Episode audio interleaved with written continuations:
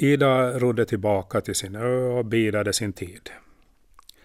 Hon gjorde snart förnyade påstötar hos Hugo, men han var undanglidande och hade svårt att ta beslut. Friman kom och gick på bogskär och när han var full var han inte god. Barnen hade börjat känna igen spritoset och var rädda för honom de gånger han gick med sådan ånga. Under hösten som följde klarnade att Hugo Henriksson inte var redo att likvidera deras plågoande. hon prövade då att kontakta några andra män som sades utföra alla slags uppdrag.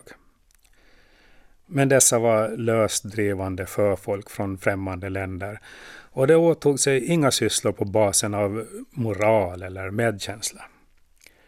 Det krävde kontant ersättning på en nivå som Ida bara kunde drömma om.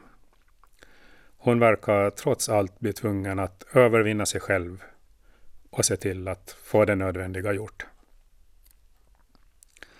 Hon vände sig till Mattas Hulda, som genast var med på noterna, men också måste erkänna att hon inte hade tillgång till trollformler som var verksamma mot en sådan Belsebubs gunstling som Friman, vilken säkert var hård mot trolldom.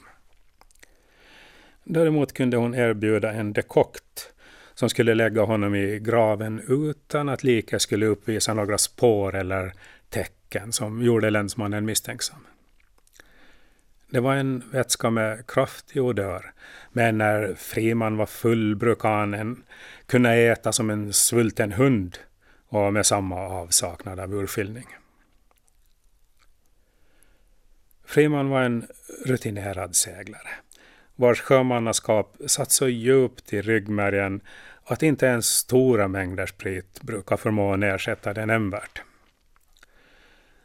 På något sätt brukade ändå Ida kunna se på båtens manövrering när rorsmannen tagit sig torr på tand.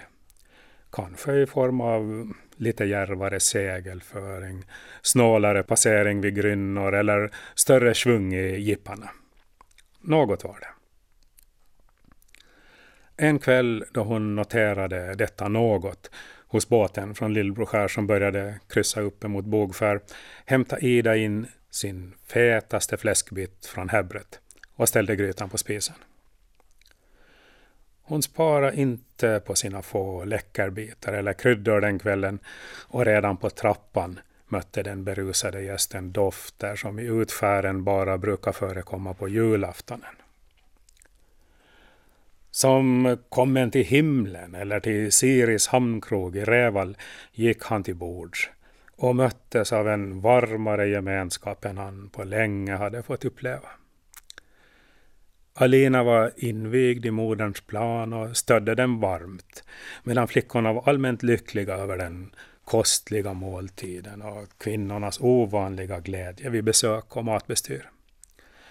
Karl fick återuppleva en stund som när dubbeltorpartillvaron hade varit som ljusast. Han smorde kråset så att fläskstuvningen dröp i mungiporna och ingen klandrade honom när han ställde sin butelj på bordet. Ida hoppades att spriten skulle göra Karl mindre lyhörd för eventuella varsel om faror. Och dessutom skulle den absolut bedöva hans smaksinne för aromerna i Huldas dekokt. Hon hade fördubblat den rekommenderade dosen och Karl åt sin karott i botten.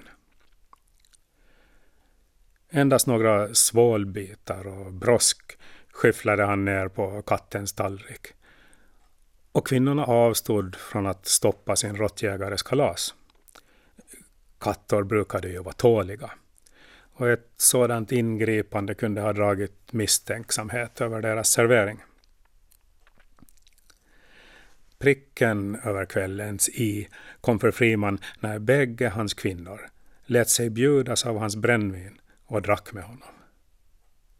Han hade länge saknat dryckessällskap och i sin glädje reflekterade han inte över själen bakom den gemenskap som öppnades för honom. Kanske kunde han få den bägge i säng samtidigt. Han skrockade och tömde sitt glas. Värdinnorna smuttade lite till för att dämpa påkänningarna i nerver och samvete. Katten skickades ut efter måltiden. Idyllen stod sig inte kvällen ut. Frimans kvinnotörst blev pockande och hans inviter allt plumpare. Barnen skickades i säng och Ida tog gästen på en kvällspromenad som aldrig nådde längre än till Höskullen. Under honom, i den kalla höstkvällen, inväntade hon giftets verkan, men tvingades genomgå samma kur som vanligt. Han var outtröttlig som alltid när han var full och på småtimmarna vinglade han ner till båten utan gravare störningar i tal och koordination än han brukar uppvisa efter sådana kvällar. Ida var lättad. Nu skulle dödsfallet ske i hemmet eller i allra bästa fall ombord så att han hittades strandad långt borta från Vågfär. Till flickornas sorg kom katten aldrig tillbaka efter den kvällen. Men Ida visste ju att eh, sjuka katter ofta drar sig undan för att dö i ensamhet.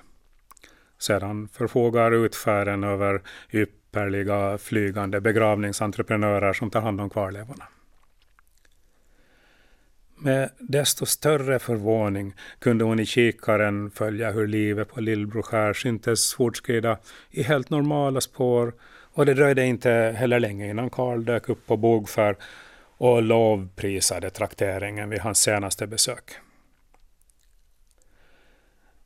Hulda hade sagt att hon visserligen hade tillgång till ännu starkare gifter. Men vid användning av dem måste liket ovillkorligen grävas ner på säker plats eller skänkas i havsdjupet, för det skulle synas att döden inte hade varit naturlig.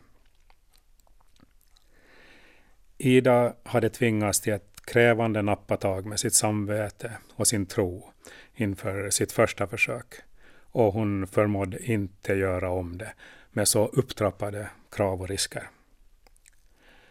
Dessutom var hon inte övertygad om att det fanns substanser som kunde fälla mannen som inte bara var hård mot trolldom utan även tycktes vara hård mot gift. Men mot unga flickors lockelse var han mjuk och hans blickar på Helga blev allt mera fokuserade.